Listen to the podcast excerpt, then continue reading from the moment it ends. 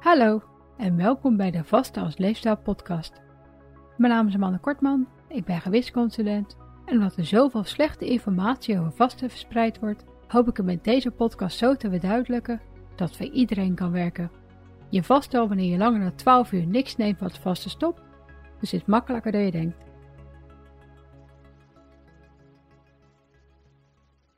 Welkom bij aflevering 41. Aangezien ik vaak de vraag krijg of cacao, en dan vooral in de vorm van chocolade, gezond is, ben ik het voor deze aflevering wel echt eens gaan uitzoeken. Veel mensen zijn er helemaal gek op en je hoeft er maar naar te googelen om positieve nieuwskoppen tegen te komen. Maar, zoals gewoonlijk, is het belangrijk om verder dan de nieuwskoppen te kijken. We eten gemiddeld zo'n 4,5 kilo chocolade per jaar en bijna iedereen heeft wel een favoriete smaak. Maar wat is het nou eigenlijk? Chocolade bestaat uit een mengsel van cacaopoeder, ook wel afgekort als cacao, cacaoboter en suiker, en het kan hiernaast diverse toevoegingen hebben om het op smaak te brengen. Denk maar aan melkpoeder om er melkchocolade van te maken, maar ook natuurlijk aan noten, gedroogd fruit, vanille, zeezout en karamel. Zowel cacaopoeder als cacaoboter worden gemaakt uit de bonen die in vruchten aan cacaobomen groeien. Cacaobomen groeien in landen langs de Evenaar en zo'n driekwart van de cacao komt uit West-Afrika en dan vooral uit de Ivoorkust, Ghana, Nigeria en Cameroen. De rest komt uit Latijns-Amerika en Zuidoost-Azië. Er zijn meer dan 30 verschillende soorten van deze tropische boom, welke het beste in de schaduw van andere bomen groeit. Cacaobomen kunnen zo'n 10 meter hoog worden en meer dan 50 jaar oud. De vruchten waar de cacaobonen in zitten lijken op langwerpige meloenen en een boom levert na 5 jaar jaarlijks een kilogram bonen. Na de oogst ondergaan de bonen een natuurlijk gistingsproces genaamd fermentatie. Dit is belangrijk voor de smaak en kleur en hierna worden ze gedroogd en verder verwerkt. Tijdens het verwerken worden ze gebroken en gezeefd en de stukjes cacaoboon die overblijven worden nips genoemd. Deze nips worden vervolgens geroosterd, hoewel je ze ook rauw kunt kopen, maar het roosteren is nodig voor de typische chocoladesmaak. Rauwe cacao-nips smaken dan ook niet zo lekker als geroosterde. Na het roosteren worden de nips gemalen en blijft de cacaomassa over. Deze cacaomassa wordt onder hoge druk uitgeperst, waardoor cacaopoeder en cacaoboter ontstaan en er onze bekende chocolade van gemaakt kan worden. De unieke smaken en kleuren worden bepaald door de soort cacaobonen en de temperatuur waarop ze geroosterd zijn. En de rest natuurlijk door de diverse toevoegingen die gebruikt worden. Cacao wordt al meer dan 5500 jaar gebruikt en vooral de Maya's en Azteken staan bekend om hun pittige cacaodranken, welke op smaak werden gebracht met vanille en chilipeper. Cacao werd gezien als gift van de goden en het werd onder andere gebruikt tijdens ceremonies. Maar waarschijnlijk werd het ook door de standaardburgers gedronken, aangezien er restjes zijn teruggevonden in hun aardewerk. In de 16e eeuw kwam het naar Europa en in 1828 werd door de Nederlandse Van Houten familie een goedkope en simpele manier uitgevonden en verder uitgewerkt om de tot dan toe vette cacaobonen in zoverre uit te persen dat cacaoboter en echte cacaopoeder overbleef en er betere chocolade en chocolademelk gemaakt kan worden. Deze methode wordt ook nu nog gebruikt en staat wereldwijd bekend als Dutching.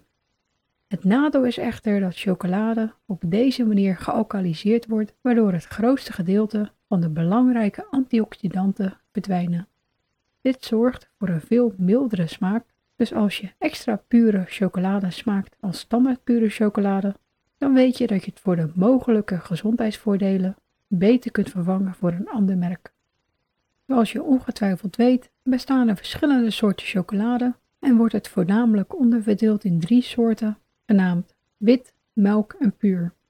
Hiernaast bestaan er ook nog eens extra pure chocolade en roze chocola, maar extra pure valt meestal onder puur en van roze chocola is het onduidelijk of het echt een andere chocoladesoort is. Doordat witte chocola maar 20% of meer cacaoboter bevat en geen cacaopoeder, wordt het door kenners vaak ook niet herkend als echte chocola en bevat het dus vooral suiker en vet en geen antioxidanten. Melkchocolade bestaat voor 25 tot 35% uit cacao en minimaal 20% cacaoboter. En pure chocola bestaat voor meer dan 35% uit cacaopoeder en minimaal 18% cacaoboter. Pure chocola moet dan ook voor meer dan 52% cacaomassa bestaan en extra pure chocola bestaat zelfs voor 70% of meer uit cacaomassa. De verschillende chocoladesoorten worden voor de rest over het algemeen vooral aangevuld met suiker, waardoor je natuurlijk het beste voor een zo puur mogelijke variant kunt gaan. Iets wat je trouwens langzaam kan opbouwen door per reef naar een puurdere soort te gaan. Ik gaf als kind al de voorkeur aan pure chocola, dus de stap naar 70% en mijn huidige favoriet van 85% was erg makkelijk. Cacao en dan vooral chocolade komt regelmatig in het nieuws en net als koffie en thee bevat het honderden verschillende stofjes, waaronder polyfenolen, een vorm van antioxidanten en zelfs een vorm van cafeïne, wat de reden is dat zelfs chocola je alerter kan maken, hoewel je dan wel relatief veel chocola moet eten. Zo bevat een reep van 100 gram pure chocola hooguit 43 milligram cafeïne, melkchocolade ongeveer de helft en witte geen. Als je er echter zeer gevoelig voor bent, dan kunnen pure en melkchocolade je nachtrust verstoren, dus ook hier is het belangrijk om erop te letten wanneer je het neemt. Voor je gezondheid is het natuurlijk het beste om na het avondeten te vasten, dus dan is de kans helemaal klein dat het je slaap verstoort. Voor zwangeren en tijdens de borstvoedingsperiode is het natuurlijk wel weer belangrijk om de hoeveelheid cafeïne die je per dag binnenkrijgt in de gaten te houden, zodat je niet boven de maximaal aangeraden hoeveelheid van 200 mg per dag komt. Een hele reep pure chocola staat ongeveer gelijk aan een klein kopje koffie of een grote kop zwarte of oolongthee, dus je moet wel echt je best doen. Naast dat ene kopje koffie en twee kopjes thee, die ik in aflevering 40 aanbeveelde, kan je dus ook nog een paar kleine blokjes chocolade nemen als je last hebt van cravings, maar overdrijf ook hier natuurlijk niet mee. Dit helpt tenslotte ook bij het voorkomen van onnodige zwangerschapskilo's. Chocola bevat naast cafeïne ook een ander licht opwekkend stofje, genaamd theobromine, wat het de bittere smaak geeft, maar wat ook een hartstimulerend, vaatverwijdend en vochtafdrijvend effect heeft en in geconcentreerde vorm dan ook gebruikt wordt in medicatie. Er zijn ook aanwijzingen dat het helpt tegen hoesten, maar voor zover ik kon vinden wordt het hier nog niet voor gebruikt. Het is ook een van de stofjes wat er in standaard hoeveelheden voor zorgt dat velen zich iets prettiger voelen als chocolade eten, hoewel de cafeïne en combinatie van suiker en vet natuurlijk ook meespelen. Theobromine is echter ook het stofje wat chocolade giftig maakt voor onder andere honden, katten en paarden, doordat ze het erg langzaam afbreken en wat bij hun zelfs kan leiden tot de dood. Nu is de kans natuurlijk klein dat een kat het zou opeten, aangezien ze geen zoete smaak kunnen proeven en bitter juist veel sterker, en paarden, gezien hun grootte, wel heel erg veel moeten eten, willen het effect hebben. Maar er komen jaarlijks honden mee in de problemen en een reepje pure chocola kan al dodelijk zijn voor een kleine hond. Witte chocola bevat geen theobromine, aangezien het alleen in cacaopoeder zit en niet in de cacaoboter. Melkchocola bevat 100 tot 500 mg per 100 gram en pure chocola 500 tot 1000 mg. Extra pure chocola bevat zelfs 2060 mg. Tot 1000 mg per kilogram lichaamsgewicht kan het bij mensen geen kwaad. Maar hierboven kan het zorgen voor onder andere hoofdpijn en soms zelfs migraine en zweten en trillen. Het opwekkende gevoel wat chocolade geeft is minimaal, maar het bevat ook de antioxidanten cacaoflavonolen. En dat is de hoofdreden dat het jaarlijks wel een keertje positief in het nieuws komt. Wie is er tenslotte niet blij met het bericht dat de o zo lekkere chocolade gezond voor ons is? Pure chocola en cacao rijk aan deze cacaoflavonolen zijn namelijk gelinkt aan onder andere een lagere bloeddruk, een betere doorbloeding en cholesterolwaarde en een lagere kans op insulineresistentie, diabetes type 2, depressie, hartaanval, Alzheimer en Parkinson. Hiernaast lijkt het ook goed voor ons immuunsysteem te zijn. Het probleem is alleen dat het pas geldt bij extra pure chocola, wat voor minimaal 70% cacaomassa bestaat, wat natuurlijk niet de meest populaire smaak is. En zelfs dan kan de bereidingsmethode de hoeveelheid antioxidanten negatief beïnvloeden. Er is op dit moment dan ook maar één merk chocola die binnen Europa een gezondheidsclaim mag geven. En dit is de verrijkte chocola, genaamd Articau, waaraan extra antioxidanten zijn toegevoegd. De gezondheidsclaim die is goedgekeurd gaat als volgt.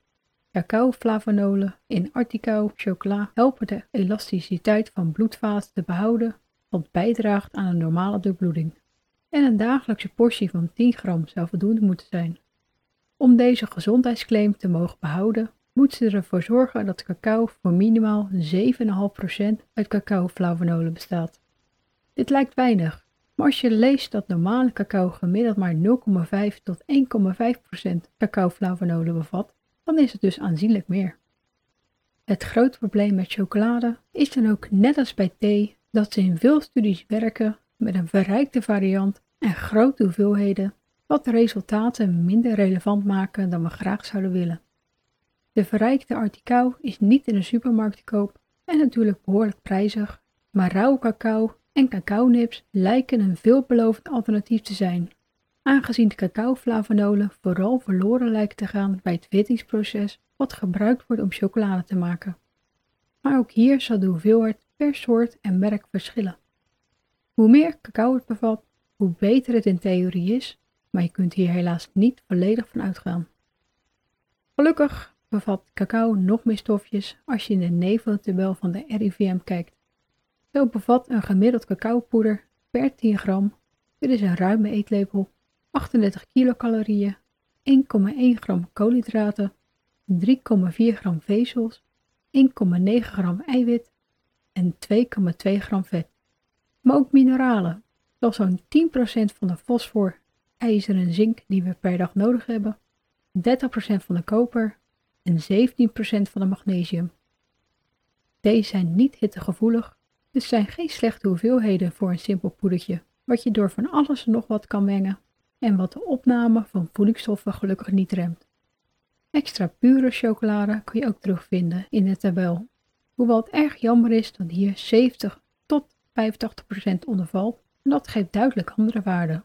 Zo bevat dit per 10 gram zo'n 58 kilocalorieën, 2,7 gram koolhydraten, 1,2 gram vezels, 0,9 gram eiwit en 4,5 gram vet. Wat betreft mineralen bevat het nog maar zo'n 2 tot 3 procent van de fosfor, ijzer en zink die we per dag nodig hebben, 10 procent van de koper en 3 procent van de magnesium. Cacaopoeder is dus duidelijk een gezondere keuze, maar ik geniet alsnog bijna dagelijks van zo'n 10 tot 20 gram extra pure chocola. Voor je gezondheid hoef je niet te eten, maar zolang de rest van je eetpatroon wel echt gezond is, kan een kleine hoeveelheid natuurlijk geen kwaad. Het is alleen een beetje de vraag hoe lang we er nog van kunnen genieten. Cacao wordt namelijk bedreigd door de klimaatverandering, maar ook door onder andere insecten, schimmels en virussen. Doordat de wereld steeds kleiner wordt, wordt de kans steeds groter dat die zich steeds verder uitbreiden. En de toenemende hoeveelheid pesticiden die hiervoor gebruikt worden, zijn natuurlijk niet bevorderlijk voor onze gezondheid en die van de cacaoboeren.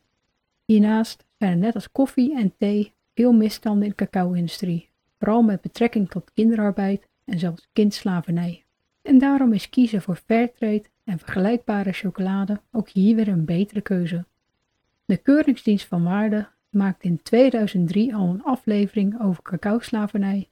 En hoewel het langzaam maar zeker steeds beter gaat in de cacao-industrie, hebben cacaoboeren het vaak nog steeds erg moeilijk om rond te komen, zoals je ook in de Engelstalige cacao-barometer van 2022 kan lezen. Zo blijkt dat armoede onder cacaoboeren de hoofdoorzaak is van problemen zoals kinderarbeid, maar ook van ontbossing, wat natuurlijk funest is voor de natuur en de lokale bevolking en wat op lange termijn voor nog meer problemen zorgt. In 2025 zou alle cacao in Nederland duurzaam moeten zijn en ik hoop dat het doel gehaald gaat worden. Voorlopig kunnen we gelukkig nog genieten van de haast verslavend lekkere chocola. Maar voor sommigen is chocola juist onderdeel van een eetprobleem. En de vraag of chocolade echt verslavend is, wordt dan ook al jaren gesteld. Voedselverslaving wordt nog niet erkend, maar voedsel wat vet, suiker en of zout bevat, heeft een hele hoge dooreetfactor. waardoor je er snel meer van eet dan je zou willen. De voedselfabrikanten weten dit, zoals ik ook in aflevering 38 heb besproken. En het is niet voor niks dat vooral melkchocolade met karamel en zeezout opeens een grote hit werd. En zelfs ik vind het lekker. Ik koop het dan ook bewust niet. Naast de combinatie van voedingsstoffen bevat chocola naast cafeïne en theobromine ook zogenaamde biogene amine, die ervoor zorgen dat we ons beter gaan voelen. Dus het is niet gek dat chocola vaak als troostvoedsel gebruikt wordt. En er is natuurlijk nog de smaak, het mondgevoel en de geur die velen lekker vinden. En de combinatie van deze factoren kan je een echte chocoholic maken. Vrouwen staan er verder natuurlijk bekend om dat ze rond hun menstruatie meer behoefte aan chocola hebben. En dit komt waarschijnlijk omdat ze zich dan minder goed, soms zelfs zwaar beroerd en moe voelen en chocola je dus beter laat voelen. Maar ook doordat het magnesiumniveau dan vaak wat lager is en cacao een natuurlijke bron van magnesium is. Gelukkig kan je magnesium ook uit onder andere noten, pinda's, pitten, pulvruchten, fruit en volkorengranen halen en zorg ik er rond die tijd voor dat ik bonenbrownies op voorraad heb of ik maak een lekkere bonen chocolade mugcake die je onderaan het brownie recept kan vinden. Ik hoop dat je nu wat meer weet over de mogelijke gezondheidsvoordelen die helaas voor de meeste chocola en cacao overdreven zijn, maar waar we hopelijk in de toekomst in ieder geval alsnog van kunnen genieten zonder ons schuldig te voelen over de toestand van de cacaoboeren. Let er natuurlijk op dat je er niet te veel van geniet, aangezien een reep bijna 600 calorieën bevat. De meeste vooral uit toegevoegde suikers bestaan en je het zelfs bij de extra pure het best bij hooguit 20 gram per dag kunt houden. Vooral als je nog niet op je streefmaat bent. Ga daarom het liefst voor een zo puur mogelijke variant met zo min mogelijk ingrediënten en suikers. En vergeet niet dat je met een thee of eetlepel echte cacaopoeder ook hele lekkere dingen kan maken. Voeg het net als mij bijvoorbeeld toe aan een mugcake, meng wat door je havermout of maak een simpele chocoladedrank met heet water, decaf koffie, cacao en wat geraspte kokos als zoetmaker. Dit is een heerlijk toetje of tussendoortje op koude dagen, wat meer vult dan je zou denken en waarmee je toch aan je zoetbehoefte kan voldoen. Overdrijf er gewoon niet mee, zodat het niet ten koste gaat van alles wat je echt nodig hebt. Vooral als je vast, voel je tenslotte een stuk beter wanneer je vol zit, maar is het vaste zelf een stuk lastiger om vol te houden als je niet voldoende gebalanceerd eet, zoals ik ook in eerdere afleveringen heb besproken. Een reep chocola tikt gewoon behoorlijk aan. En in plaats daarvan kan je er beter op letten dat je aan je dagelijkse porties groente en fruit komt. En waarom je dat wil doen, bespreek ik in aflevering 42.